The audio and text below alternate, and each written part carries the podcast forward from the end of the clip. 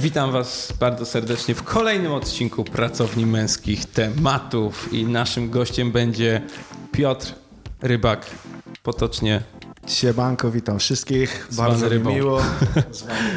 Tak.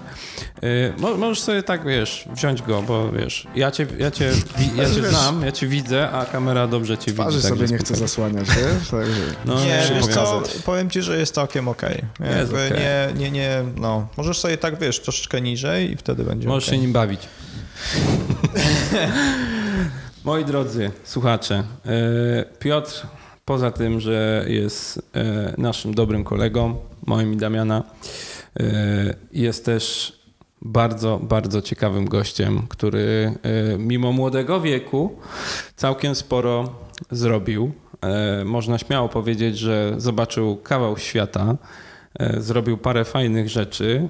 Teraz robi fajne rzeczy, więc e, spróbujemy sobie to pokrótce przybliżyć. Dla tych, którzy Piotra nie znają, możemy zacząć od tego, że najpierw byłeś sportowcem. Kariera e, w dyscyplinie zwanej lacrosse, e, którą mam nadzieję, że za chwilę objaśnisz większości słuchaczy, którzy nie mają pojęcia o co tutaj chodzi. No, i mnie przy okazji, ja też Tak. nie wiem o co chodzi. E, Potem wielka podróż z przyjacielem, kilkuletnia tak naprawdę, mm, do obcego w ogóle świata, do dwóch obcych światów, albo nawet trzech obcych światów. prawie dookoła. Prawie dookoła. Prawie dookoła. E, I to praktycznie w dużej mierze piesza wędrówka. E, mm, Potem powrót po, po tych kilku latach do, do Krakowa, w którym obecnie urzędujesz. E, Spotkanie z rzeczywistością, nowy pomysł na siebie, pomysł na interes i w tym momencie rozwijanie bardzo fajnego interesu, którym jest budowanie campervanów. I twoja firma, która nazywa się Campr, warto zwrócić Bardzo uwagę na pisownię, tak, i wymowę, Campr, e, którą serdecznie polecamy wszystkim, którzy chcieliby e, spróbować e, fajnej przygody e, z wyjazdem, e, gdzie tylko droga poniesie, bardzo fajnym domem na kółkach takim trochę. Zgadza się. Ale zacznijmy od początku. Piotrek, lacrosse. Czyli co, pierwsze pytanie to lacrosse było, Tak. tak? E, dyscyplina e, o wiele lepiej znana w, e, za Wielkim Oceanem w Stanach Zjednoczonych, chociaż w Europie też się bardzo szybko rozwija. E, Tu od razu e, każdego słuchacza zachęcam, żeby sobie sprawdził e, drużyny polskie, żeby sobie sprawdził naszą polską reprezentację. Chłopaki naprawdę ostro działają w celu promocji tego sportu i, i naprawdę warto. Sport jest, e, sport jest full contact, e, czyli dozwolone jest atakowanie przeciwnika e, czy to swoim ciałem, czy kijem. Jest to coś podobnego do hokeja na trawie, z tym, że piłki nie przerzucamy po ziemi, a, a łapiemy w takie koszyki. Kije do lacrossa z, z siatką, która wygląda troszkę jak sprzęt do łapania motyli. Takie, To takie subtelne porównanie, to, to, prawda? To trzeba przyznać. E, Nie wiedziałem, że tym się też pasjonujesz. Tym się też pasjonowałem. Zwykle po treningach e, latałem i łapałem łapałem tyle, gdzie tylko popadło. E, przygodę z tym sportem, z przygodę z tym sportem zacząłem z dobre 10-12 lat temu, bym powiedział. To jeszcze było na studiach. E, Poznałem wtedy masę dobrych kumpli. E, Razem e, próbowaliśmy ten sport w, w Krakowie e, wypromować i, i wyciągnąć na, na wyżyny sportów no, niszowych, bo jednak jest to sport niszowy. A czy to było, to mówisz o w ogóle, że byłeś przy początkach powstawania Lacrosse Nie, Kings? absolutnie czy... nie. Kraków Lacrosse Kings powstał najpierw jako Knights, Dragons, następnie zmieniał swoje nazwy, przyłączał się do stowarzyszenia. E, Dołączyłem po kilku latach, jednak e, cały czas e, była wymagana jakaś praca w celu promowania tego sportu, więc mogę śmiało powiedzieć, że swoje trzy grosze do tej promocji dorzuciłem, aczkolwiek ani założycielem, ani jednym z takich pierwszych rdzennych graczy krakowskich nie byłem. Chociaż czuję się jako, jako tam, można by powiedzieć, stary wyjadacz e, e, i zawodnik z jakimś dłuższym stażem, jeżeli bym teraz dalej grał. Mm, po wielu tam, po kilku latach e, gry w krakowskim klubie e, jako pomocnik e, dostałem się do reprezentacji Polski. Miałem przyjemność uczestniczenia w Mistrzostwach Europy. Który to był rok, pamiętasz? Mistrzostwa Europy na Węgrzech 2014. Nie, przepraszam, 2016 rok przed moim wyjazdem właśnie w podróż. Wtedy odbywały się Mistrzostwa Europy w miejscowości Godolololo. I tam też spędziłem naprawdę zajebiste dwa tygodnie z całą ekipą, e, pod okiem e, trenerów ze Stanów. E, rozegraliśmy kilka mm, potężnych meczy. Mm, zajęliśmy 14 miejsce. Niestety odpadliśmy po ciężkiej batalii z Holendrami o wejście do półfinału. Nie byliśmy faworytami tego spotkania, jednak upuściliśmy im trochę krwi, jednak było to jedno z moich bardziej ulubionych spotkań. Pokrótce tak mogę opisać ten sport. Polega jak każdy inny sport. Tutaj Dawid Filipińczyk na pewno e, bardzo będzie zadowolony z tego porównania, żeby zdobyć więcej bramek niż przeciwnik. E, tak, no, najlepsze Tyle. wyjaśnienie po prostu. Dokładnie. Jasne. E, no a powiedz mi, jak to, jak wyglądało w ogóle dostanie się do reprezentacji Polski? Bo to zakładam, że na tamten czas było sporo drużyn w Polsce. No ja pamiętam, jak jeździłem z tobą na kilka meczy. Co prawda, tylko w Krakowie widziałem te mecze, które się odbywały, ale to były drużyny z całej Polski, więc jakby tych chłopaków, którzy grali, było naprawdę sporo. Drużyn może jakoś ogromnej ilości nie było, zawsze tych drużyn mogłoby być więcej. Chłopaków e, jak najbardziej. Konkurencja zawsze była. E, pierwsze e, tryouty, na które, na które pojechałem, no to niestety odpadłem. Nie dostałem się za pierwszym razem, za drugim razem również się nie dostałem. Dopiero gdzieś za trzecim razem udało mi się, udało mi się dostać do kadry. Polegało to na dwudniowym, często trzydniowym zgrupowaniu pod okiem trenerów właśnie ze Stanów, pod e, czujnym okiem kamer, które potem, e, potem trenerzy ze Stanów analizowali i na bazie tego, co widzieli, na bazie zaangażowania, oddania, umiejętności i tego, co było potrzebne w danym momencie drużyny, drużynie, po prostu wybierali zawodników, 30 najlepszych zawodników i po tych właśnie tak zwanych zgrupowaniach zaczynały się zgrupowania szerokiej kadry, ze zgrupowań szerokiej kadry z 30 zawodników 24 dostawało się do reprezentacji i uczęszczało w, w zawodach takich jak na przykład Mistrzostwa Europy. To zarobiste osiągnięcie, jakby nie było. No, trzeba, muszę się przyznać, jestem z tego dumny i bardzo... Miałeś orzełka na piersi. Miałem orzełka na piersi, do dziś mam, w, a raczej mój ojciec, tata w e, komputerowym ma oprawioną e, koszulkę meczową e, za szybką i sobie tam ładnie wisi mój numer, numer 24. Także jest, jest fajna pamiątka, jest co wspominać. No, sport zawsze był w Twoim życiu, nie? My się poznaliśmy tak naprawdę przez sport, bo ja byłem w reprezentacji koszykówki swojej, e, swojego liceum, a Ty byłeś trochę swojej. powalczyliśmy tak, w czasach liceum na boisku, to prawda. E, czy, czy masz takie odczucie, że, że ten sport, ta rywalizacja, to wszystko, co musiałeś włożyć w te wszystkie e, dyscypliny, których się podejmowałeś, najpierw jako dzieciak, a potem jako dorosły facet, już na tym poziomie naprawdę no, międzynarodowym. E, jak, jak to cię ukształtowało? Ile, ile z tego wyciągnąłeś dla siebie? Co jest taką najcenniejszą rzeczą w tym, z tego sportu, która teraz czujesz, że ci się przydaje? Sport zawsze, tak jak powiedziałeś, zawsze był w moim życiu i teraz e, tego, przede wszystkim sport drużynowy zawsze był w moim życiu. E, teraz mi go trochę brakuje, bo, bo, bo niestety nie, nie jestem w stanie się zaangażować z racji moich tam późniejszych projektów w nic, w nic większego. Czego się nauczyłem, e, jest bardzo dobre pytanie. Ciężko będzie to skrócić i wrzucić, wrzucić w jedno czy tam dwa zdania. Przede wszystkim przede wszystkim e, pewnego rodzaju e, wytrwałości, bo to bez, bez takiej wytrwałości, czy to na treningach, czy to na boisku, nawet jak już wszystkie mięśnie ci odmawiają posłuszeństwa, jak e, nie możesz złapać oddechu, zawsze gdzieś trzeba było z siebie wykrzesać trochę więcej tej energii. To mi się przydało potem w podróżowaniu, jeszcze bardziej przydaje mi się teraz w pracy.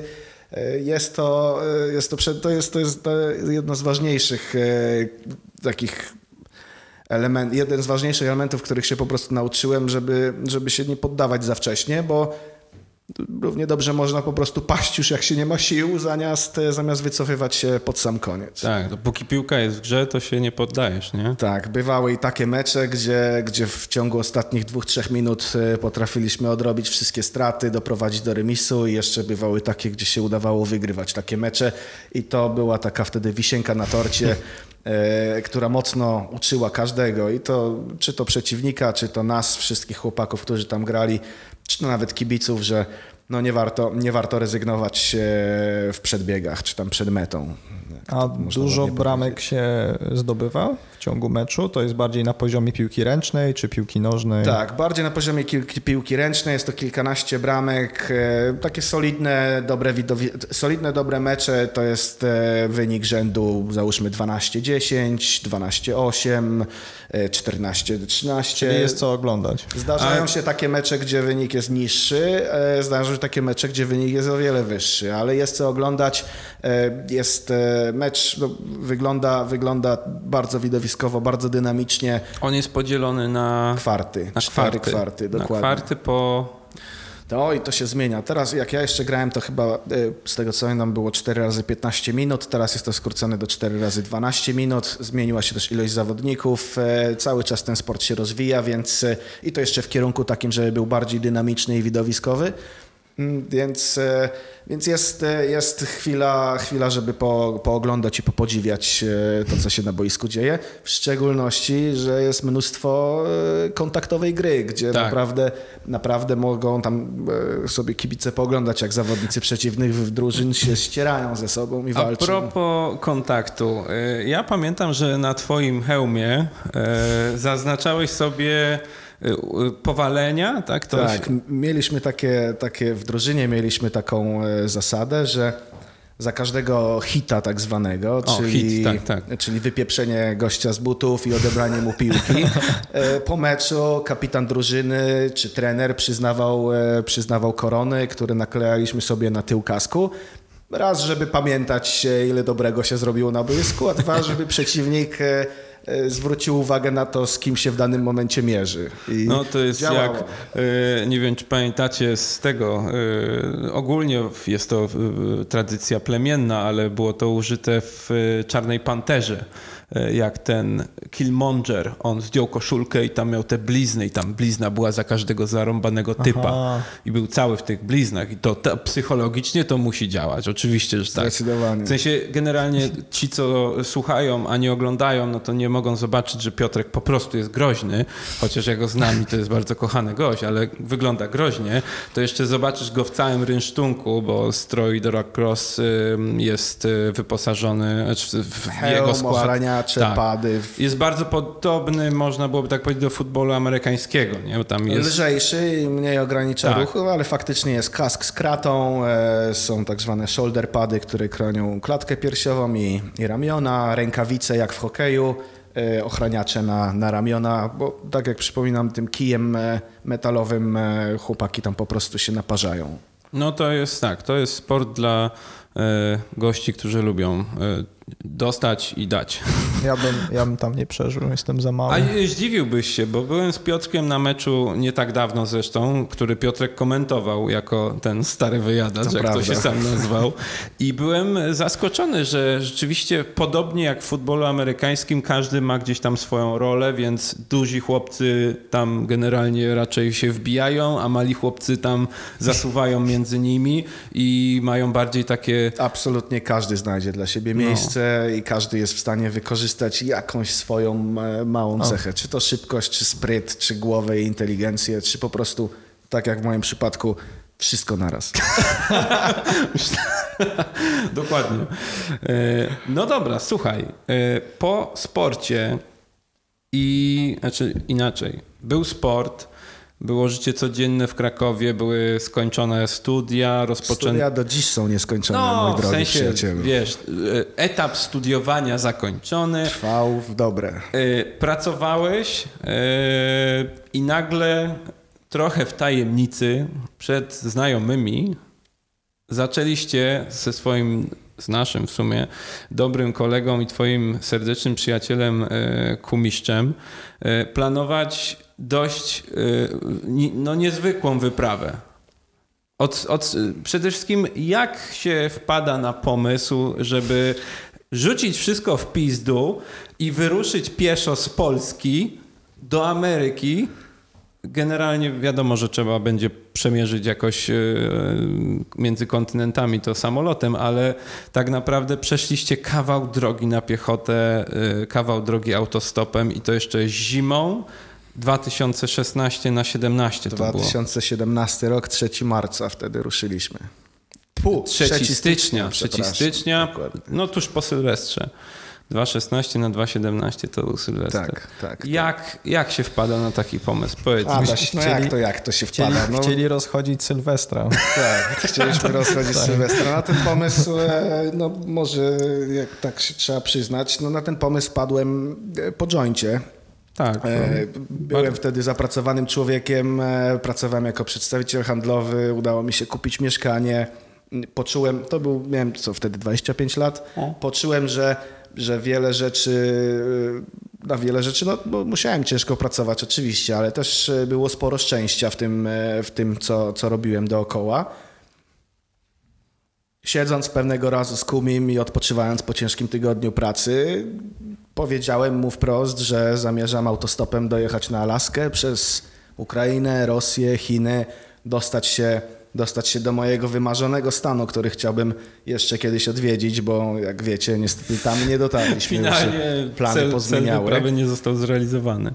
Po paru tygodniach y, no, wtedy Kumi zareagował tak, okej, zajebiście, fajnie, super.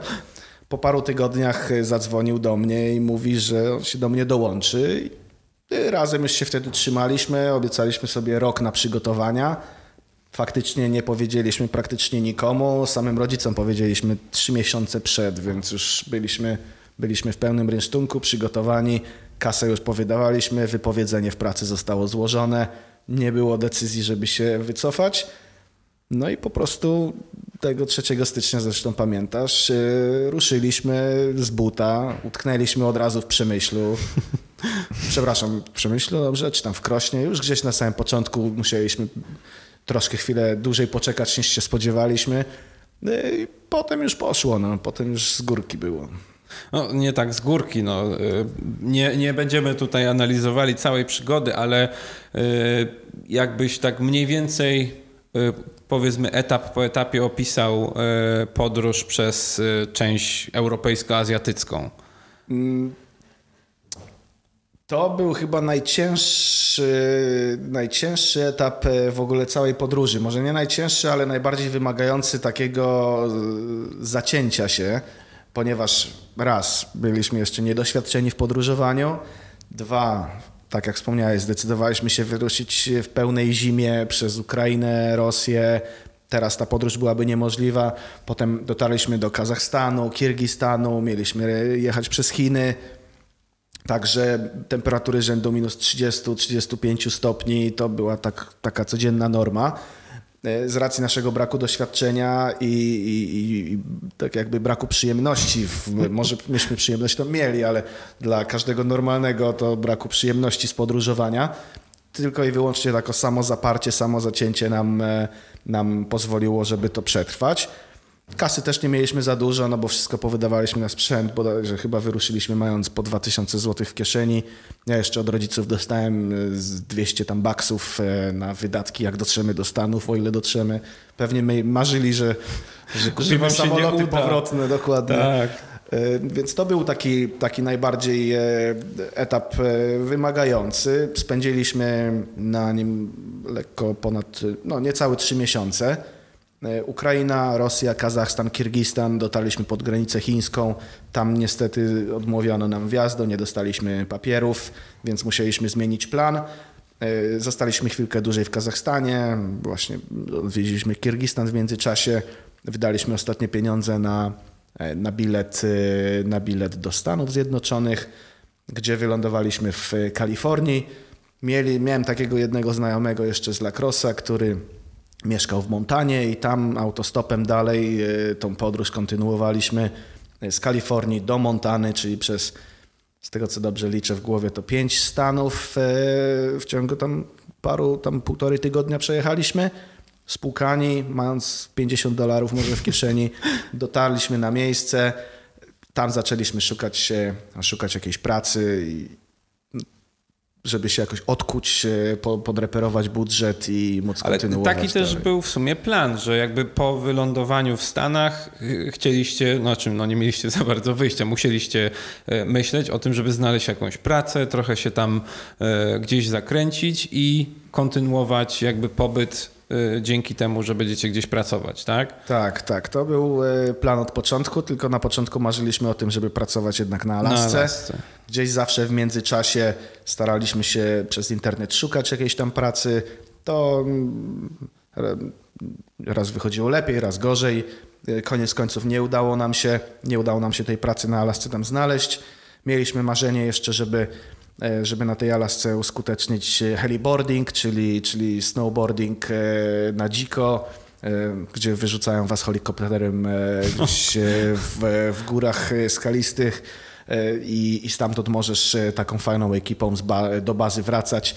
Mieliśmy już to dogadane mniej więcej w miarę za pomoc przy, przy całej tam bazie. Dostaliśmy tam od nich, zaproponowali nam nocleg za darmo, niewielką kasę za te loty helikopterem. Kasy za pracę nie, ale wtedy jeszcze marzyliśmy, że, że, że, że robimy sobie gdzie indziej. Skończyło się tak, e, long story short, że po miesiącu biedowania, e, ciągłej walki o to, żeby, żeby tą pracę znaleźć, chodzeniu do, do, do e, to było taki college tego mojego znajomego, który się tam właśnie mm. uczył miał tam bibliotekę, dostaliśmy od niego hasło do komputera, żebyśmy tam mieli internet. Dzień w dzień tam po prostu łaziliśmy, przeglądaliśmy te wszystkie oferty pracy i tak dalej, i tak dalej.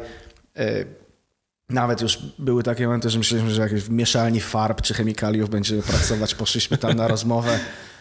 Po trzech minutach zaczęła nas boleć głowa. Koniec końców powiedział gość, że się z nami jeszcze skontaktuje.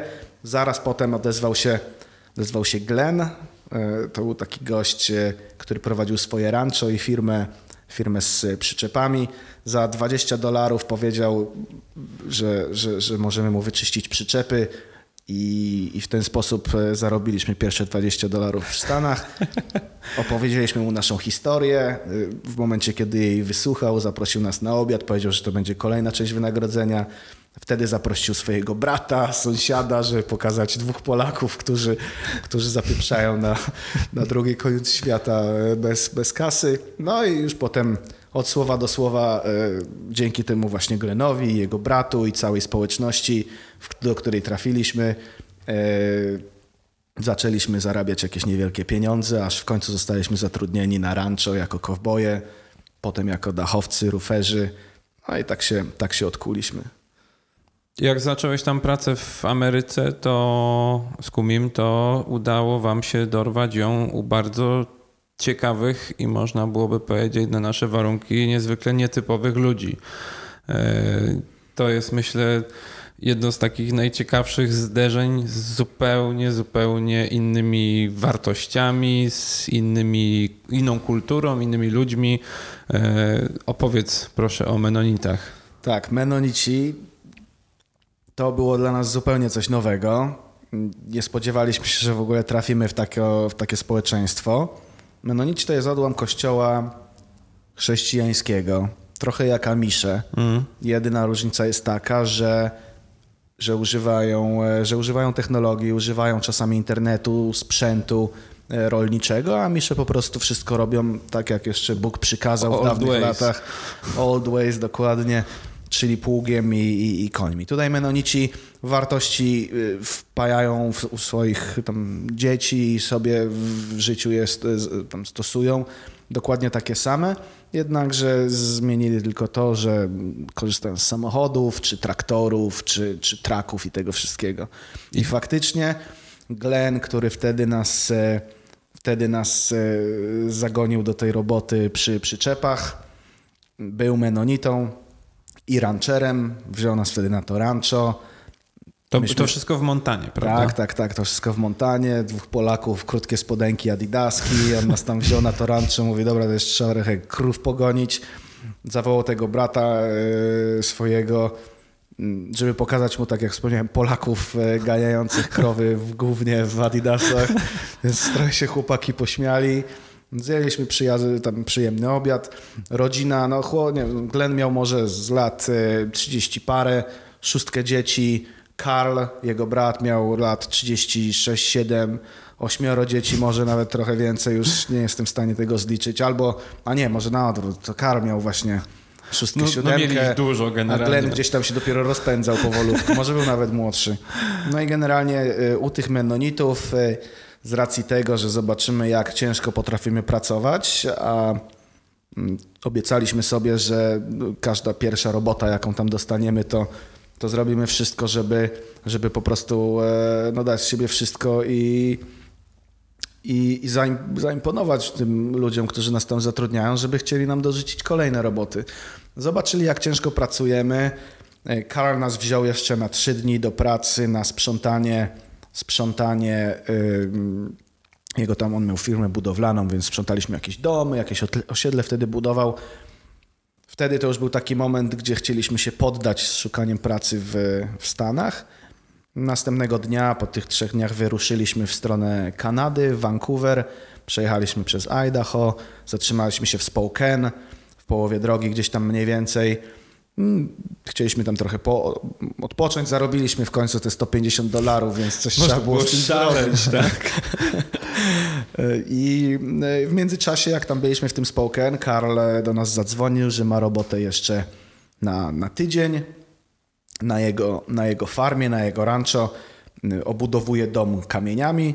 Przyjeżdża właśnie taki Amish, e, John, e, John Fisher się nazywał, 70-letni Amish i on potrzebował, e, John, John Fisher był e, jakby mózgiem całej operacji, podzielił się z nami doświadczeniem jak to się robi, myśmy byli mięśniami. Karol nam wtedy zaproponował, że właśnie takich, e, takich chłopaków potrzebuje do pracy. Kupił nam bilet w Greyhoundzie autobusem z powrotem do Montany. Powiedział, że kupi nam kolejny z powrotem tam, gdzie jesteśmy. Robotę tygodniową zrobiliśmy w trzy dni.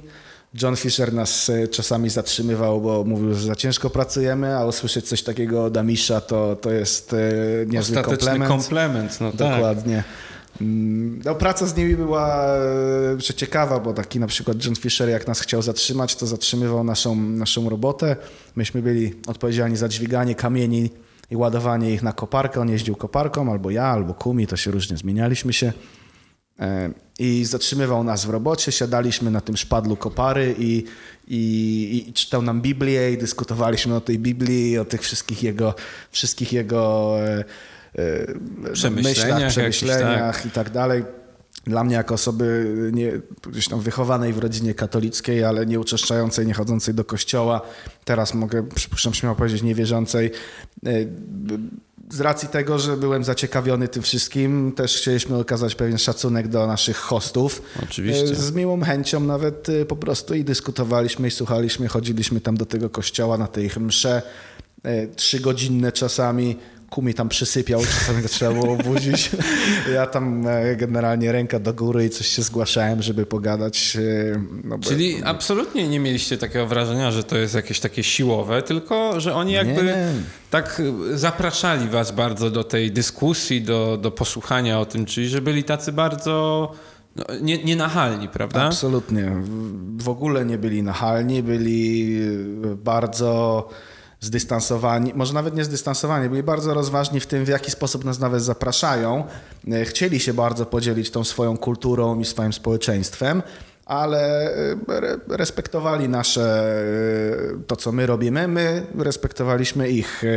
Czyli absolutnie jakby szacunek był cały Szacunek czas był, zachowany. więc gdzieś tam, wiecie, jak sobie chcieliśmy papierosa zapalić, czy, czy wypić alkohol z racji tego, że oni tego nie robią, to po prostu nie robiliśmy przy nich. Wtedy to tam, żeby, tak żeby nie przeskakiwać z historii na historię, to po tej robocie, którą mieliśmy Mieliśmy y, na tydzień, jak zrobiliśmy ją w trzy dni, to Karl nam e, powiedział, że on nas zatrudni na miesiąc, bo będzie miał tu różne rzeczy do robienia, będzie nam płacił 75 dolarów dziennie. Dostaliśmy od niego taką chatkę myśliwską, którą musieliśmy sobie lekko dokończyć na jednym z jego terenów. E, Brak bieżącej wody, mieliśmy tylko taki, taki, taki Strumyk. strumyk nawadniający jego pola, e, piecyk, e, lampy naftowe, dał nam lasso, nie wiem po co, ale wzięliśmy. dał nam takiego bibigana małego, wiatróweczkę też wzięliśmy. E, no i, i co, zamieszkaliśmy tam w tej chatce, 7, i dał nam jeszcze, co jest najważniejsze, Chevy'ego, Chevrolet Division z 68 roku, pomarańczowy, piękny pick-up, e, który stał się na ten miesiąc naszą furą.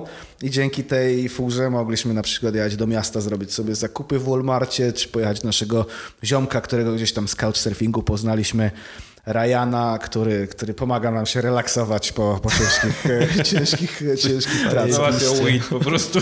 Załatwiał nam weed, nazywaliśmy go Jaranem z racji tego.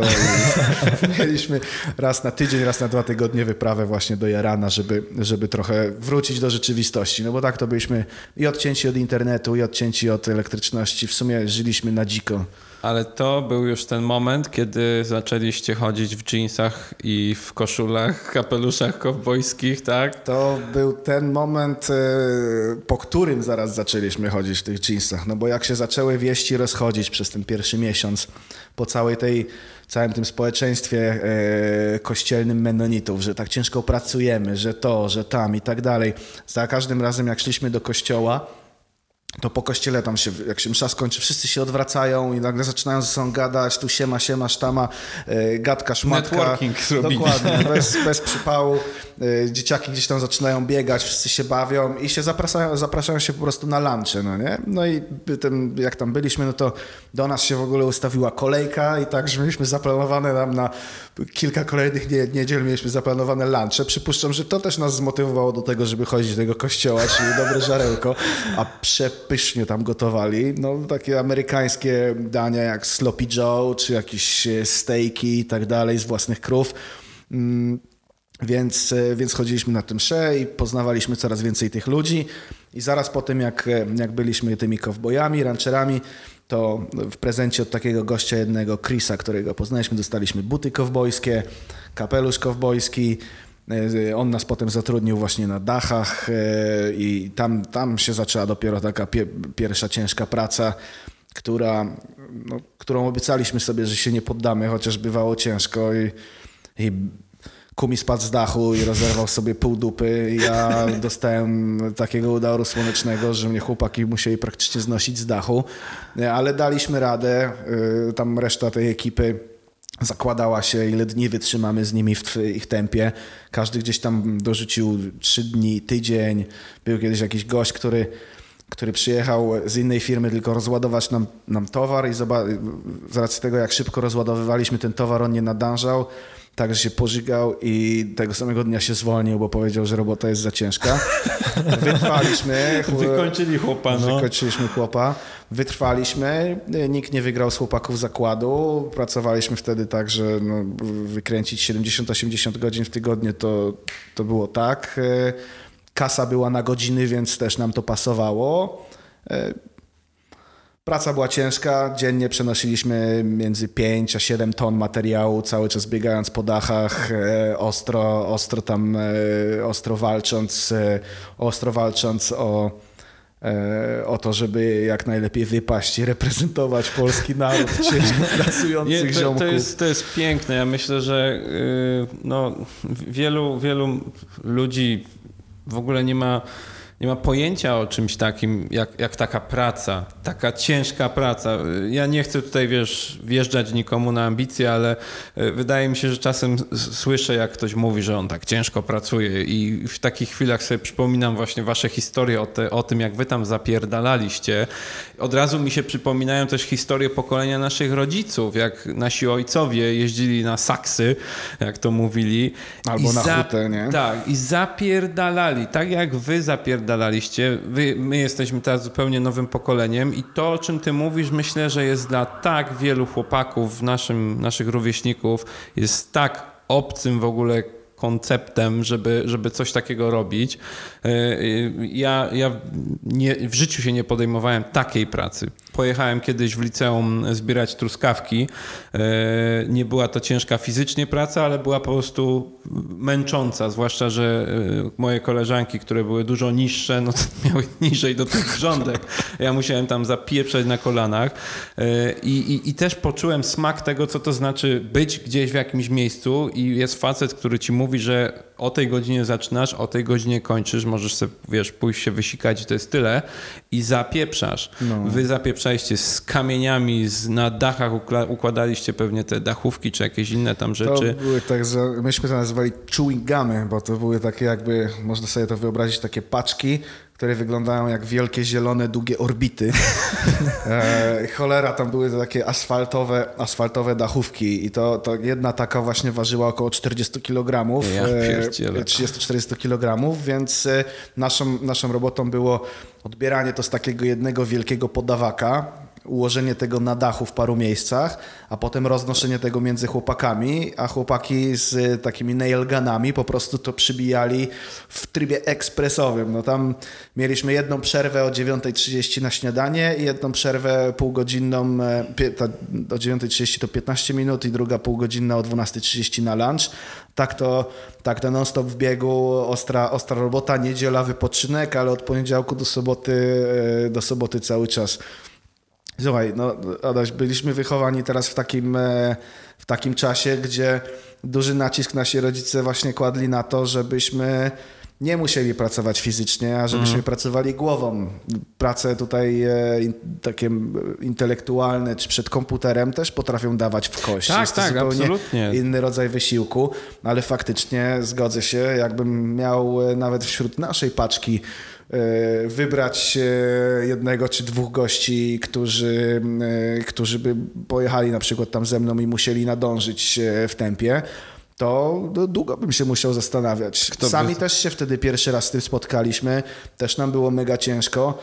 Wiedzieliśmy, że się nie poddamy, bo byliśmy nabuzowani podróżą i pamiętasz, jakie, jakie jacy wtedy byliśmy. No. Tak, no. pamiętam, bo byłem takim troszeczkę rzecznikiem prasowym przez pewien czas y, was, waszej podróży i przesyłaliście mi w miarę na bieżąco takie y, krótkie sprawozdania. Ja to starałem się redagować, dołączać zdjęcia i był fanpage nawet. Był, był. Alaska, co się może stać. Do dziś jest ten fanpage. Tak, możecie go znaleźć w ogóle, polecam, bo tam parę jest tam parę zdjęć jeszcze, śmiesznych zdjęć O, ale no. to, to, to, mnie trochę fascynuje, jak to się stało, że wy znaleźliście w sobie tyle motywacji, żeby, żeby tak zapieprzać, bo wiadomo, no, kasa była super. E, kasa była gdzieś tam waszym takim e, motywatorem, bo była potrzebna, bo mieliście dalsze plany. Właśnie powiedz teraz w takim razie, po tym no nie, w sumie długim okresie pracy uzbieraliście pewien kapitał i wpadliście na kolejny genialny pomysł. Tak, tak, tak. Y, jeszcze zadałeś mi tutaj jedno pytanie, na które chciałem odpowiedzieć. Skąd znaleźliśmy tyle motywacji A, no tak. i skąd to się wzięło, zanim przeskoczę do genialnego pomysłu.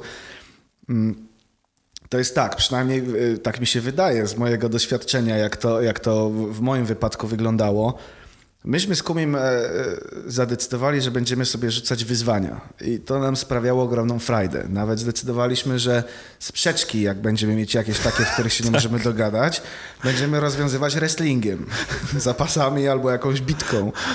E, I mieliśmy jakąś taką wielką chęć po prostu no, przetestowania swoich limitów. I taka robota pomimo, że była ciężka e, i pomimo tego, że była czasami no, e, no zajebiście wykańczająca, wykańczająca i, i taka, gdzie marzyłeś sobie po prostu, żeby wziąć, pieprznąć chociażby w sobotę i nic nie robić, to sprawiała nam ogromną frajdę i przyjemność i sam fakt tego, że każdy dzień, który mogliśmy tam przepracować, Wstawaliśmy o godzinie 4.35, napieprzaliśmy do 8.09, wracaliśmy, jedliśmy tam jakieś coś, co sobie zrobiliśmy, szliśmy spać, budziliśmy się.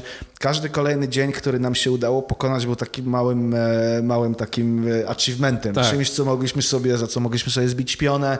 E, bez Kumiego Pewnie bym sobie tak nie poradził. Robota ciężka, zawsze warto mieć, zawsze warto, zawsze dobrze było mieć takiego ziomka ze sobą, jak brata praktycznie. E, no bo się też nakręcaliśmy i ta motywacja sama, sama głęboko z, z, z, głębi twojego ciała, serca wychodzi. To, I to myślę, że w każdym jest, tylko, tylko trzeba je troszkę poszukać e, i, i, i trochę tam e, kopa może jakiegoś na początku dorzucić, zmusić się do paru rzeczy, a jak już się rozpędzisz, to, to już potem jest naprawdę sama przyjemność tylko z osiągania swoich własnych challenge'ów i celów.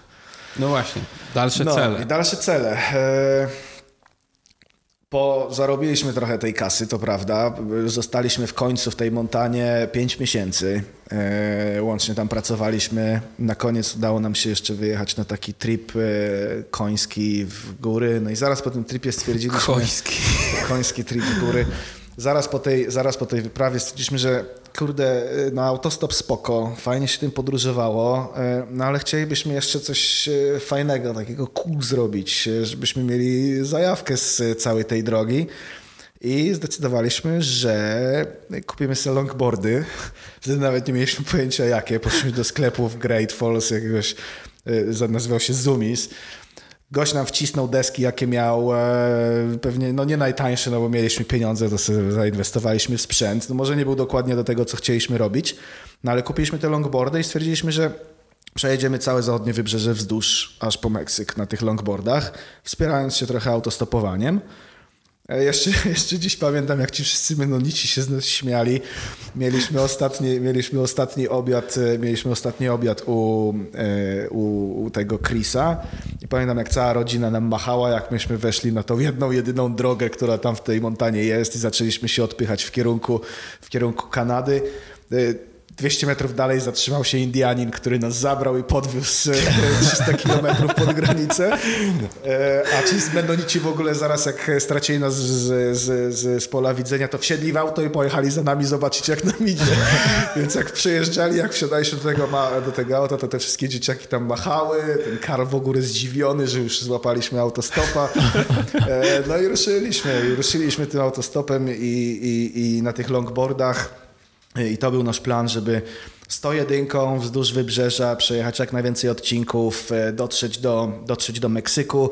Zrezygnowaliśmy właśnie na tym etapie z Alaski z racji tego, że no kasy zarobiliśmy sporo, ale wiedzieliśmy, że to nie będzie na tyle dużo, żeby przetrwać i Kanadę i Alaskę, podróżowanie, a nie mieliśmy ochoty zaraz od razu brać się znowu do roboty. Też... Yy, też musieliśmy opuścić Stany na jakiś czas. Wyjechaliśmy na, do tej Kanady, wyjechaliśmy na, na dwa tygodnie bodajże, może coś między dwa, trzy tygodnie. Potem wróciliśmy i znowu mogliśmy przez pół roku podróżować po Stanach. No i zaczęliśmy naszą wyprawę na południe, w kierunku Meksyku, żeby nauczyć się surfingu, poznać nowy kraj i, i odpocząć w lekko tańszym miejscu. Niż ale, ale tam, y, bo finalnie najwięcej czasu spędziliście wtedy w Gwatemali, tak? Znaczy, cięż, ciężko tak jednoznacznie stwierdzić, bo. Ale tam, ale tam na pewno pracowaliście. W Gwatemali pracowaliśmy, tak. Meksyk był do opierdalania się. Y, w Meksyku było tak, że do, y, przejeżdżając przez Kalifornię mieliśmy kontakt do, y, do Petera, który był wujkiem tego Karla, naszego ranchera.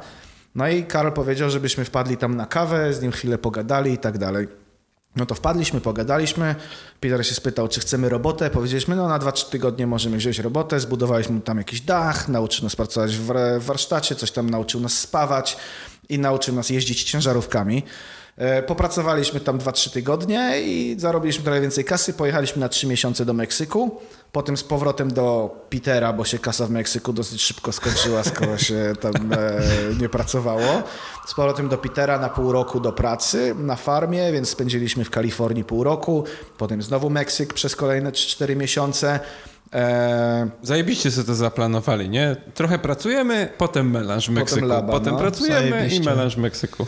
No i w końcu też właśnie po tym drugim Meksyku stwierdziliśmy, tam w tej Kalifornii po tym dłuższym okresie e, kupiliśmy vana, e, przebudowaliśmy go sobie na takiego małego campervanika, wtedy złapałem zajawkę na to i, i ruszyliśmy. Co to był za samochód? Ford E350 Club Wagon. Club Wagon. Tak, zajebisty rodzinny samochód.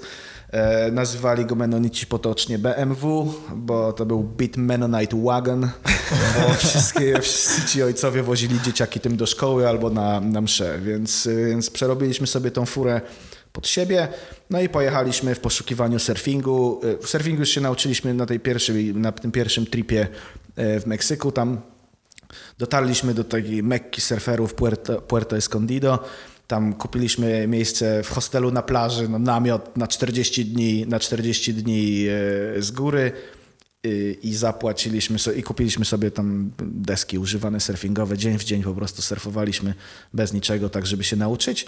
No a potem jak już wracaliśmy, no to z pełnym rynsztunkiem, deski surfingowe, samochód, vanik. No i tym vanem faktycznie dojechaliśmy do Gwatemali, gdzie się zatrzymaliśmy na pół roku i tam też pracowaliśmy za barem, więc trochę fajniejsza robota. Piotr, czy wcześniej pracowałeś za barem?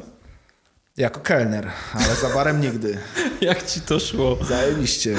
Za Słyszałem, barem... słyszałem, że generalnie wszyscy byli i tak napierdoleni, więc nie było za, dużo, za dużej różnicy. Natomiast y, rzeczywiście nie miałeś doświadczenia barmańskiego nie, wcześniej. Nie miałem doświadczenia barmańskiego, e, ale to nie przeszkodziło mi w tym, żebym był zajebisty w tej pracy. chciałem też zaznaczyć, że nie miałem za bardzo języka hiszpańskiego, a, A, no- tam no jest język właśnie. hiszpański urzędowy. Myśmy to pracowaliśmy w Antigle, Antigua.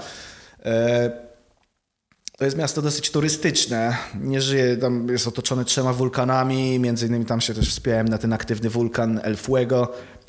Tam pracowaliśmy, dzięki temu, że miasto było turystyczne, to było dużo anglojęzycznych tur- osób, które tam przyjeżdżało, a w międzyczasie uczyłem się też hiszpańskiego. W czasie, jak byliśmy w Meksyku, jakieś tam Duolingo czy coś też sobie odpaliliśmy na telefonach i próbowaliśmy się tego hiszpańskiego. Nie, jakie Duolingo. Mieliśmy słowniki, które nam rodzice wysłali, jak się usłyszeli, że jedziemy na, na, na, na Meksyk. To dostaliśmy słownik albo od Kumiego, albo od mojej mamy, nie wiem, dostaliśmy wspólną paczkę, tam był słownik polsko-hiszpański i na tym się trochę zaczęliśmy uczyć tego hiszpańskiego. No ale dopiero jak już zacząłem pracować za tym barem bez doświadczenia, bez tak naprawdę normalnego hiszpańskiego, wtedy coś się poduczyłem. No i co, no dobrze mi to wychodziło.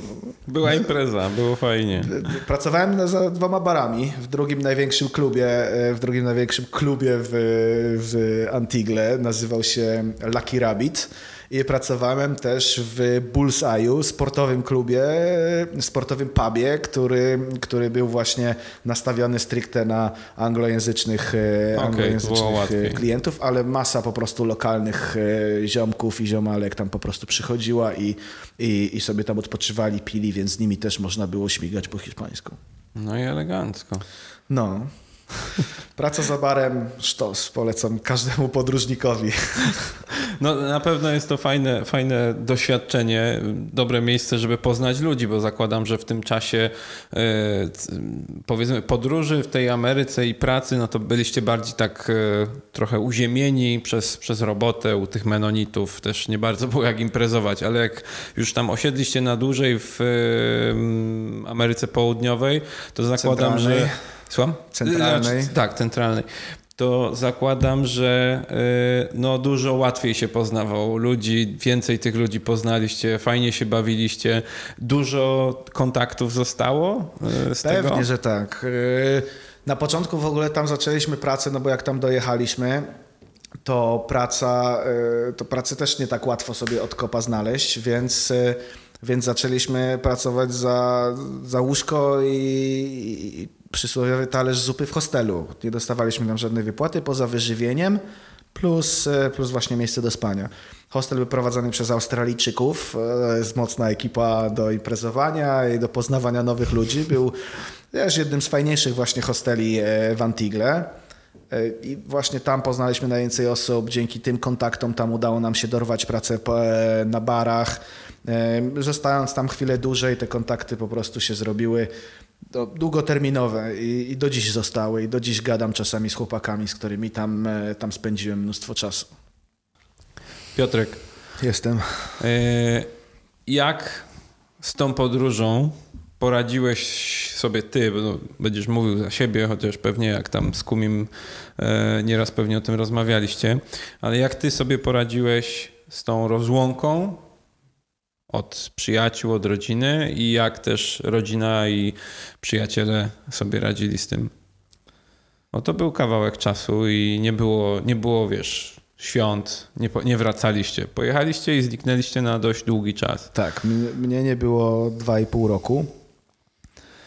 Jak rodzina, no w kościem ostro dałem, to na pewno. E, Musieli się bardzo stresować. Wtedy o tym e, jako no, taki, no, byłem trochę młodszy, nakręcony całą tą podróżą, wtedy o tym nie myślałem. Zdałem sobie dopiero z tego sprawę e, po powrocie, mm, ile ich to kosztowało. Jednak e, tak jak obiecałem, że się będę z nimi co najmniej raz w tygodniu kontaktował i utrzymam kontakt zdalny, tak słowa dotrzymałem i myślę, że to było dla nich bardzo takie ważne i, i to im pomogło to im pomogło przejść przez ten okres. Mówię tutaj o rodzicach.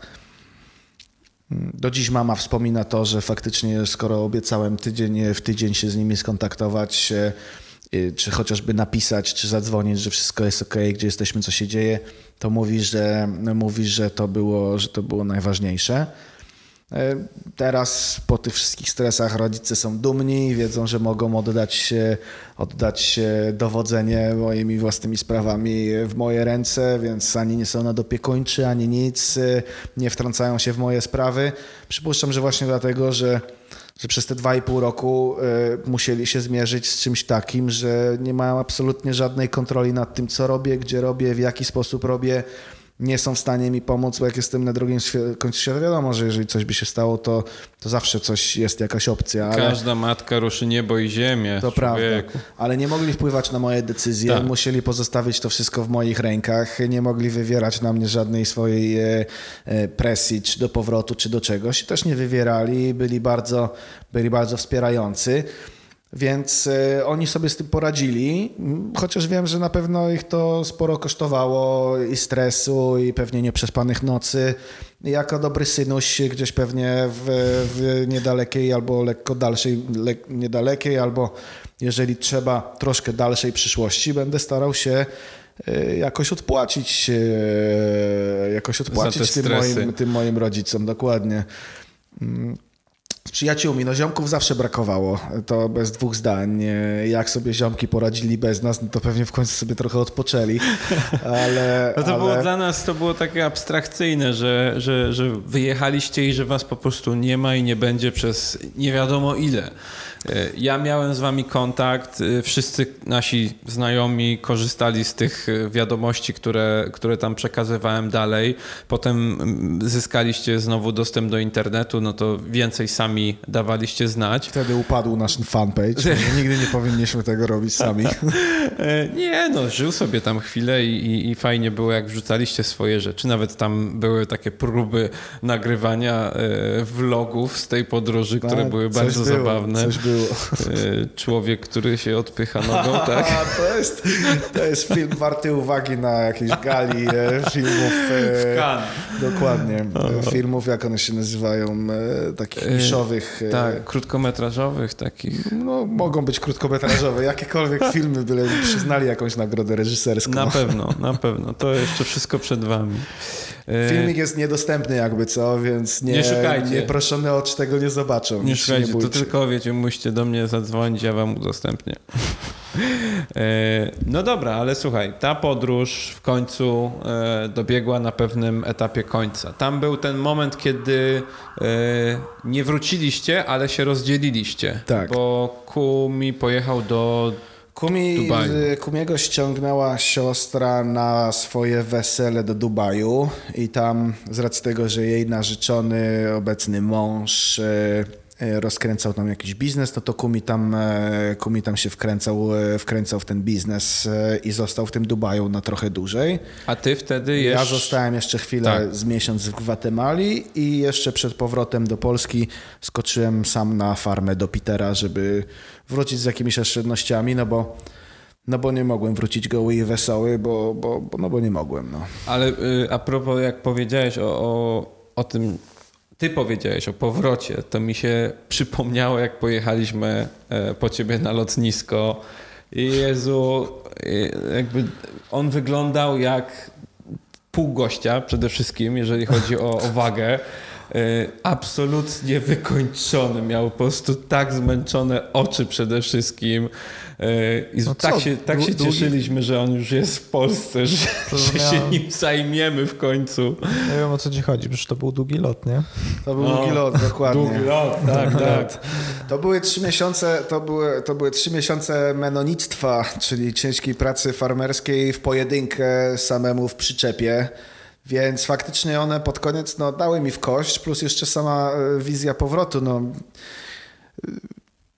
przed wyjazdem e, myślałem, że wyjazd jest trudny, po czym po tym wszystkim się okazało, że to jednak najtrudniejszą częścią całej tej wyprawy był, e, było to, co się potem działo po powrocie i powrót do, powrót do rzeczywistości, jakieś e, ogarnięcie się, ogarnięcie się z powrotem w normalnym życiu, no bo No bo albo, albo mógłbym znowu gdzieś wypieprzyć i, i żyć e, życie nomady, przeżywać życie nomada, albo mogłem dać się wszystko, jakoś wrócić do tego społeczeństwa i, i stać się znowu jakimś normalnym w miarę gościem. I to było No, najtrudniejsze. Właśnie no. jakbyś trochę więcej mógł powiedzieć o tym, bo ja pamiętam, że w ogóle ty miałeś dość pechowy e, czas i powrót, bo e, niedługo w sumie po tym, jak się już tak trochę zadomowiłeś, to e, z- co, co sobie zrobiłeś? Złamałeś? Wróciłem, wróciłem e, 1 czerwca, byłem w Polsce. 11 lipca miałem urodziny. Gdzieś w połowie lipca e, zerwałem więzadło krzyżowe w prawym kolanie. A jak to zrobiłeś, Piotruś, co? Na deskorolce. Chłop zjechał pół Stanów na deskorolce i sobie ni, mniej więcej nic nie zrobił, takiego poważnego. Wraca do Polski i półtorej miesiąca później się chłop rozwala na deskorolce. Pod McDonaldem na prostej. No to ja pamiętam, No i że... zer- zerwane więzadło. Tak. Operacja we wrześniu, uziemienie na, na absolutne uziemienie na półtorej miesiąca. Potem zacząłem chodzić o kulach. No takie absolutne uziemienie, dobra, tam 2-3 tygodnie. Potem powolutku o dwóch kulach, potem o jednej kuli, potem w samej ortezie. No i rok, rok rehabilitacji. W międzyczasie, e, w międzyczasie e, nadeszła pandemia. Tak, bo wróciliście, znaczy wróciłeś czerwiec 2019. 2019. 19, no właśnie. Zerwane więzadło. Ten jeszcze w styczniu udało mi się wyjechać na wakacje z e, Sarą, dziewczyną, którą poznałem e, w Gwatemali, pracując za barem, więc tu masz odpowiedź, jakim barmanem Właśnie. byłem. E, No, y, patrząc na Sarę, no to byłeś bardzo dobrym Bardzo dobrym barmanem. barmanem. Sara jest piękną kobietą, z którą jesteś aktualnie. z którą do dziś, e, którą do dziś pozdrawiamy. walczymy. Hi Pozdrawiamy, Sarah, hi, Sarah. E, no i co? No i wtedy jeszcze zdążyliśmy pojechać na te Filipiny w styczniu i ja zaczynałem w końcu po, po tym całym pół roku, po całej operacji, po tym siedzeniu i zastanawianiu się, co ze sobą zrobić, czy starać się wrócić do tej, do bycia przedstawicielem handlowym, nawet poszedłem na parę rozmów kwalifikacyjnych, prawie utknąłem w jakiejś... E, w Benhauerze, gdzie miałbym sprzedawać przez telefon jakiś, jakiś nawet nie wiem co miałbym tam sprzedawać, już nie pamiętam. tak. E, no nie wiedziałem co sam zrobić, stwierdziłem, że wykorzystam to, że podróżowałem i zacząłem e, walczyć z tym, żeby rozkręcić e, własny biznes z, z podróżami, z organizowaniem fajnych takich sportowo-ekstremalnych, może nie koniecznie sportowo-ekstremalnych, ale na pewno takich aktywnych, w miarę ekstremalnych wyjazdów. Pierwszy narzut poszła Gwatemala, gdzie właśnie chciałem się podzielić doświadczeniem z, ze wspinania się na aktywny wulkan, zaglądania erupcji, przedzieranie się przez dżunglę. Cały ten wyjazd za, zaplanowałem. Kosztowało mnie to też sporo pracy, żeby znaleźć, znaleźć to, w jaki sposób mógłbym to zrobić. Rozmawiałem z wieloma jakimiś tam biurami. W końcu udało się gdzieś tam e, dogadać z jednym z takich biur, że mieliśmy zacząć, że mieliśmy zacząć tego tripa. Już była połowa ekipy zebrana na na kwiecień 2020. Y, No i, no i niestety y, przy, przyjebała jeszcze pandemia w marcu, więc całe, całe no już w styczniu wtedy, ale do Polski tak Znaczy naprawdę. zaczęło się rozmowa o pandemii w styczniu, a w marcu a, to a w już marcu my nas mieliśmy... przyblokowali ze wszystkim, Tak. nie? No i wtedy to mi też, e, to też nie było jakieś e, du, du, szczęśliwe zakończenie moich pierwszych planów. E, utknąłem w Polsce, Sara utknęła się tam w Londynie, ja e, z racji tego, że z racji tego, że nie miałem, e, no miałem odłożoną kasę, ale to wiedziałem, że chcę zainwestować te pieniądze w coś e, na start, no to e, mimo, że miałem własne mieszkanie, które musiałem opłacić kredyt, no to z racji tego kredytu zdecydowałem się to mieszkanie wrzucić na Airbnb, które też padło przez tą pandemię, No tak. więc, więc potem gdzieś tam je próbowałem wynająć, wynająć, a sam wróciłem mieszkać do rodziców, więc to też było lekko To też e, lekko przycisnęło, e, przycisnęło mnie po powrocie, e, szczególnie jak nie wiedziałem, e, co mam ze sobą zrobić. Parę kolejnych miesięcy w pandemii, jak usiadłem na tej dupie i musiałem znowu wszystko przekmienić, co ze sobą mam zrobić i zacząć e, po raz kolejny od początku. E, Wtedy się pojawiło, pojawiło to wspomnienie e, campervana przebudowanego od Menonitów. E, I no i e, ogromna chęć tego, żeby jednak e, nie skończyć jak jakiś ciućpok, który nie wie, co są zrobić i siedzi u rodziców w obsikanych spodniach. No to się zaciąłem, e, dorwałem się do, do biznesplanu, zbudowałem cały biznesplan. E, w międzyczasie zacząłem szukać dofinansowań. Dostałem dofinansowanie unijne. Udało mi się ogarnąć dofinansowanie unijne na, na rozpoczęcie biznesu. Dostałem, zainwestowałem ostatnie, ostatnią tą kasę, jaką miałem e, właśnie też w ten biznes. Trochę pożyczyłem jeszcze, e, trochę kasy jeszcze musiałem pożyczyć, żeby w to zainwestować. E, no ale wpakowałem całą energię, całe pieniądze, całą siłę w to, żeby, żeby ten biznes rozpocząć. I myślę, że właśnie ten moment, kiedy w tej pandemii mnie to tak wszystko przycisnęło i, i, do, i dorwałem się do tych kamerów. Myślę, że to był moment taki przełomowy w całym tym powrocie. Wtedy znowu się na czymś skupiłem. Wiedziałem, że znowu mnie czeka ciężka praca jak u Menonitów. Wiedziałem, że znowu sobie rzuciłem jakieś kolejne wyzwanie. E, w końcu miałem jakiś cel przed sobą i coś, e, o co można powalczyć. I, i myślę, że gdyby nie to, no to jeszcze długo, długo byśmy, byśmy tutaj nie siedzieli i nie wiadomo, co by ze mną było, czy gdybym gdzieś nie pojechał, e, nie próbując kuźwa żyć jak jakiś właśnie e, zagubiony nomad Piotrek, który nie jest w stanie się ogarnąć. Nie wiadomo, czy nie wrócił nigdzie, tam gdzieś tam do jakiejś roboty. No ale to był taki przełomowy moment, gdzie, gdzie uznałem, że okej, okay, znowu jest dobrze, teraz trzeba tylko znowu przycisnąć i, i, i trzeba działać. E, I to ułatwiło całą sprawę asymilacji. Od tego momentu już było z dnia na dzień troszkę łatwiej, mając swój własny pomysł na siebie i cały czas gdzieś tam cisnąć e, jak miałem co cisnąć tak naprawdę, żeby, żeby no było lepiej. Ja pamiętam jak, e, jak ty więdłeś jak nie miałeś żadnego wyzwania, już nie mówiąc o tym okresie, kiedy byłeś e, trochę uziemiony, najpierw jak byłeś dosłownie uziemiony i ciężko było cię, kurde, roz, rozbawić jakkolwiek, potem jak powoli na tych kulach zacząłeś chodzić, no to widać było, że o, jest w końcu jakaś nadzieja, że Piotrek będzie znowu naszym Piotrusiem i tak naprawdę ty jesteś gościem, który jak rzeczywiście, jak nie ma celu, jak nie ma wyzwania, jak nie ma... Nie ma bata na tak, sobą. znaczy bata tam, walić bata, jak ty nie masz okazji, żeby kurwa ubrudzić ręce, utuc palucha i walnąć się w głowę i robiąc coś, kurde, ciężkimi narzędziami, y, wyżerając, kurcze, w metalu dziury, spawając iskry y, po prostu na wszystkie strony rozrzucając, to ty nie żyjesz po prostu. Ty potrzebujesz cały czas czegoś takiego.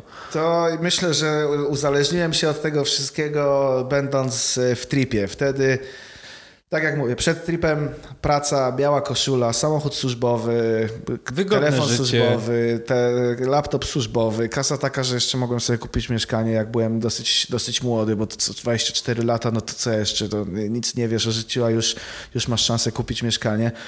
E, no było zajebiście, no, nie, nie, nie, nie przeczę, ale jak wyjechałem e, w te Stany, pozbierałem trochę gówna, e, poprzerzucałem trochę tego gówna, zacząłem zbierać złom, wywozić ten złom, budować, spawać, pracować, pracować na tirach, na farmie, robić takie rzeczy, no tak jak mówisz, gdzie się można ubrudzić i można się trochę, trochę, trochę zranić, powalczyć, no generalnie no, ciężką fizyczną pracę, no to się trochę od tego uzależniłem i faktycznie e, Więdłem, to trzeba się przyznać, ale myślę, że każdy ma czasami prawo e, lekko sobie zwiędnąć. Ale e, tak, to jakby Tutaj mówimy te... o tym tylko dlatego, że jakby najcenniejsze w twojej historii jest to, że ty tam byłeś i z tego wyszedłeś. Dlatego, no, dlatego bez chcę o tym... dookoła też bym e, nie wyszedł, bo, no bo to też trzeba się w momencie, kiedy chce się wrócić do jakiegoś takiego życia, rzeczywistości, normalnego funkcjonowania, to trzeba mieć też do kogo wracać i, i tutaj też bez przyjaciół, bez, bez rodziny, bez, bez, bez ziomków was, e, e, gdzie mogłem się e, po prostu, wiesz, dlaczegoś tak naprawdę mieć jakiś powód do tego, mm -hmm. żeby ciężko zapierdalać albo do, żeby się w ogóle starać, to też by się nie dało, ale może by się i dało, ale byłoby o wiele ciężej, to byłaby o wiele, wiele mozolniejsza, mozolniejsza i dłuższa droga. I myślę, że i myślę, że właśnie e, to takie zwiędnięcie e, i, teraz ta myśl o tym, o tym takim e, lekkim zwiędnięciu, spowolnieniu i tak dalej, e, jeszcze też mnie bardziej motywuje, żeby się od tego e, oddalać, Od- oddalać, i jeszcze no. bardziej mnie motywuje, żeby tego cisnąć. No, tak jak mówię, no dzisiaj e, e, ciężko pracuję nad tymi kamperami. E, e, nie wiem, czy nawet już nie pamiętam, czy wspomniałem w końcu, że się tym zająłem, ale Znaczy tak, zaczy, zatrzymaliśmy się na tym etapie, gdzie jakby wpadłeś na pomysł, dostałeś dofinansowania Tak. i, i powstał kamp. Powstał kamp na początku wypożyczalnia z ambicją na zabudowę takich campervanów, właśnie na budowanie. E, Bo ty y, za pieniądze z dofinansowania kupiłeś samochód, tak, znaczy. który, był przy, y, który miałeś w zamiarze po prostu przebudować Tak, i go wynajmować. Pierwszy samochód udało mi się. Pierwszy samochód kupiłem częściowo za odłożoną kasę, a częściowo za pożyczkę z banku, którą, wziąłem, normalną, bo gdzieś tam e, z racji posiadania mieszkania i dobrej tam zdolności kredytowej i wiesz, i, i gdzieś tam już w trakcie, gdzieś już w trakcie miałem, e, miałem całą tą, tą pożyczkę unijną e, już praktycznie przyznaną, więc udało mi się jeszcze dorwać tam lekkie dofinansowanie. Tam oczywiście ktoś musiał poręczyć, ale, ale udało się dostać to dofinans- e, tą, tą pożyczkę. Za to kupiłem pierwszą furę, a za dofinansowanie, e, dofinansowanie unijne zabudowałem ją i kupiłem kolejną furę e, do zabudowy, żeby jeszcze, żeby nie startować od jednego, tylko żeby przycisnąć temat mocniej. I zaczęło się od y, Craftera. Volkswagena Craftera Tak. niebieskiego, pięknego granatowego e, busika, którym mieliśmy razem przyjemność Tak. po raz pierwszy podróżować e, Ja, po ja, ja tu Polsce. od razu muszę powiedzieć, że chłopaki, jeżeli macie taką ekipę, powiedzmy, no najlepiej czterech, najlepiej czterech ziomków, to Do sprawdziliśmy. czterech, tak. No. y, żeby... Czterech zgranych, bo wtedy Y, robi się cias, ciasno oczywiście. nie? Jest, jest ciasno, ale dla mnie to była po prostu naj, najlepsze wakacje, najlepsza przygoda mojego dotychczasowego życia. Może nie miałem ich nie wiadomo ile, ale parę fajnych rzeczy w życiu zrobiłem, natomiast to była po prostu no, naj, najfajniejszy czas, jaki spędziłem. Czterech ziomków w jednym samochodzie jedzie po prostu przed siebie, wszystko ma w dupie, jest jakiś plan, może go nie być, nieważne, jest fajnie, jest, jest piwko, jak się dojeżdża na miejsce, Jest wszystko. jest, jest, Wszystko. jest też nie piwko, jak, jak trzeba się A zrelaksować. Mogło, a mogło się różnie skończyć. A, mogło się różnie skończyć. skończyć. No wyjazd był super, także absolutnie polecam. Zaczęło się właśnie od wypożyczalni, e, a skończyło się na tym, że gdzieś tam e, za cel, który sobie obrałem, e, do, docelowo gdzieś w tym roku, dopiero w 2022, miałem zamiar pozyskać pierwszego klienta na zabudowę. E, Żeby ten projekt zrealizować, udało się z końcówką poprzedniego roku, więc tutaj też szczęście dopisało.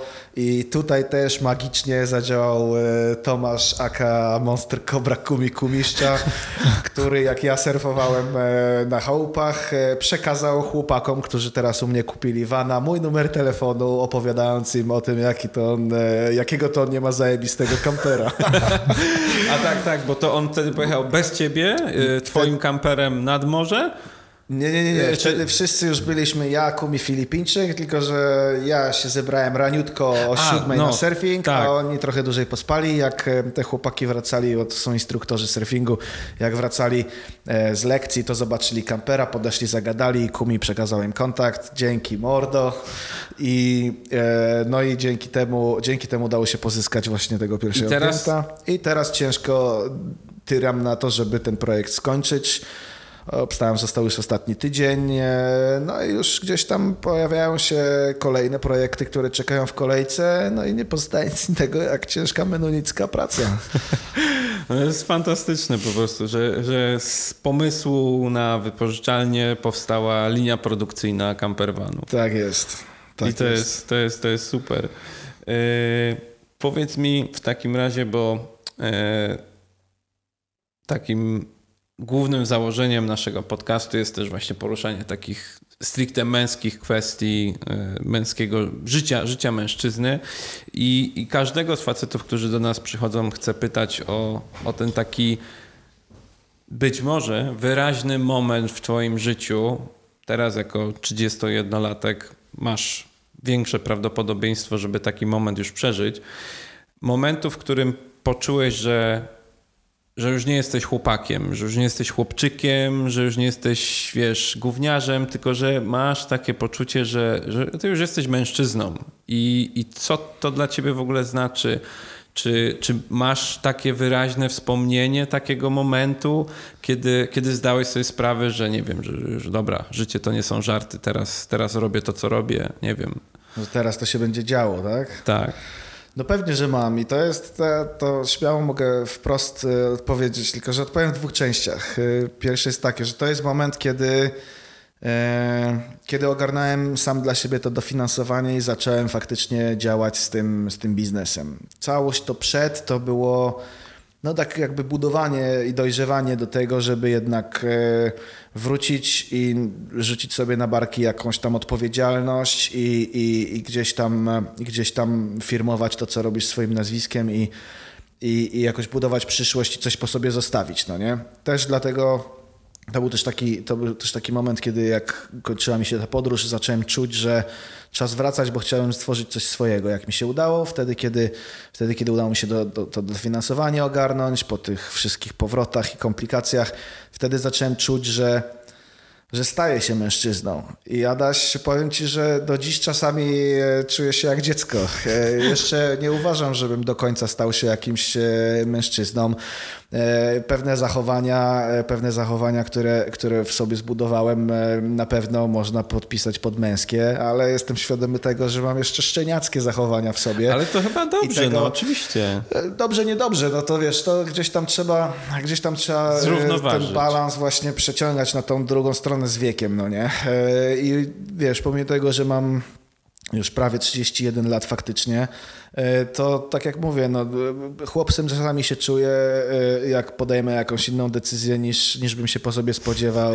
Chłopcem się czasami czuję, jak, e, jak nie podejmę jakiejś decyzji albo w ogóle nie wiem, co ze sobą zrobić. Chłopcem się czasami czuję, jak się obudzę, mi się kurwa nie chce pracować i, i, i po prostu chciałbym sobie poleżeć albo z, były takie też dni, gdzie wiedziałem, że mam robota i tak to wszystko przebomblowałem na Netflixie i wtedy też się czułem chłopcem.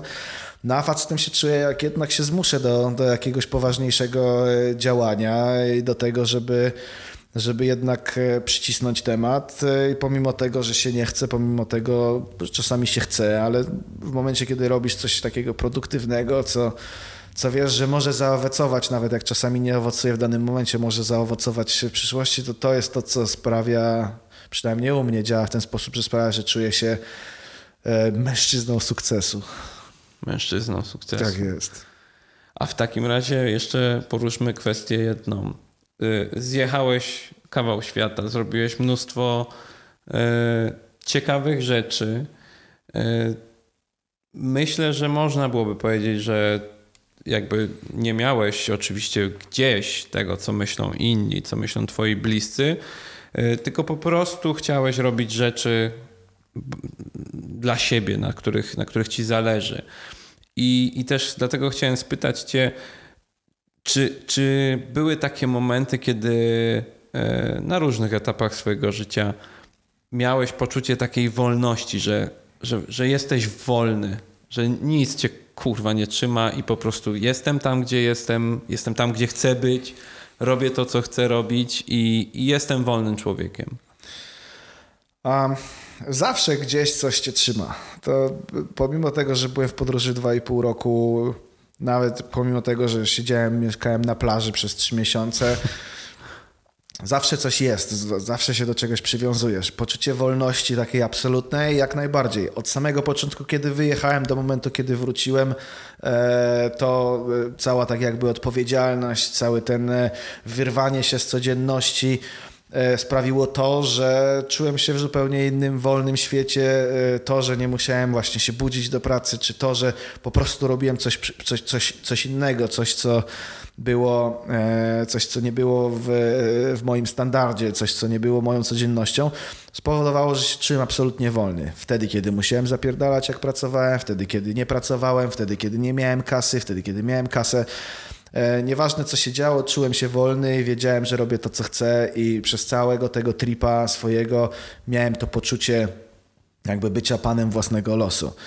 E, ale no nie mogę powiedzieć, żebym nigdy, żeby nigdy mnie coś nie trzymało. To, a tylko, że ja to uważam, że bycie przewiązanym albo bycie trzymanym przez coś wcale nie oznacza tego, że nie można czuć się wolnym, no nie? Tak, to Teraz bardziej, że do tego- trzymało cię przy ziemi bardziej, nie? Trzymało cię przy ziemi, albo można, można by to było powiedzieć tak, że no teraz e, wiadomo, e, kupa roboty, nie mogę robić wszystkiego, co chcę, mogę, skupiam się na jednej rzeczy, no ale dążę do tego, żeby jednak, wiesz, prowadzić biznes, e, robić coś, co lubię i tak dalej, i tak dalej. I postawiłem sobie taki plan, że gdzieś tam raz, że będę, będę mieszkał gdzieś nad oceanem e, w wieku 35, e, między 35 i 40 lat, to dwa, że będzie mnie stać czasowo, i to nie mówię kasowo, że będzie mnie stać czasowo dwa razy w roku na dwumiesięczną wyprawę, półtora miesięczną wyprawę, trzymiesięczną wyprawę. I już samo myślenie na ten temat powoduje to, że się czuję w miarę wolnym człowiekiem, który po prostu do czegoś dąży. I nic mnie nie trzyma, nic mnie nie blokuje poza moją samą własną, poza moim samym własnym czasami lenistwem czy opieszałością. No nikt nie jest doskonały. E, Ale to jest, to jest bardzo fajne podejście, myślę. I, i myślę, że, że tego, tego bym ci i Damian myślę też najchętniej życzylibyśmy ci. Damian ci tego nie życzy, ale ja ci życzę. Nie, Damian też życzę. Tak, jasne, że życzę. Życzymy ci, żeby, żeby taki plan się właśnie dla ciebie sprawdził w takim razie, bo ty jesteś człowiekiem, który musi pracować i musi fajnie odpoczywać. To są dwie jest. rzeczy, które Piotr Rybak musi robić. Tak. I udało No, nam bardzo się, dziękuję. Udało nam się ciebie ściągnąć. Tak, Tak, żeby żeby to, porozmawiać, to było trudne, bo Zaraz skończę i wracam do roboty. no właśnie, tak to, tak to jest z Piotrkiem. No a nagrywamy, jest godzina dziewiąta, Tak, więc więc, więc trzeba, No, trzeba, trzeba się zwijać. Cóż, Piotrze, okej, to- bardzo Ci dziękujemy.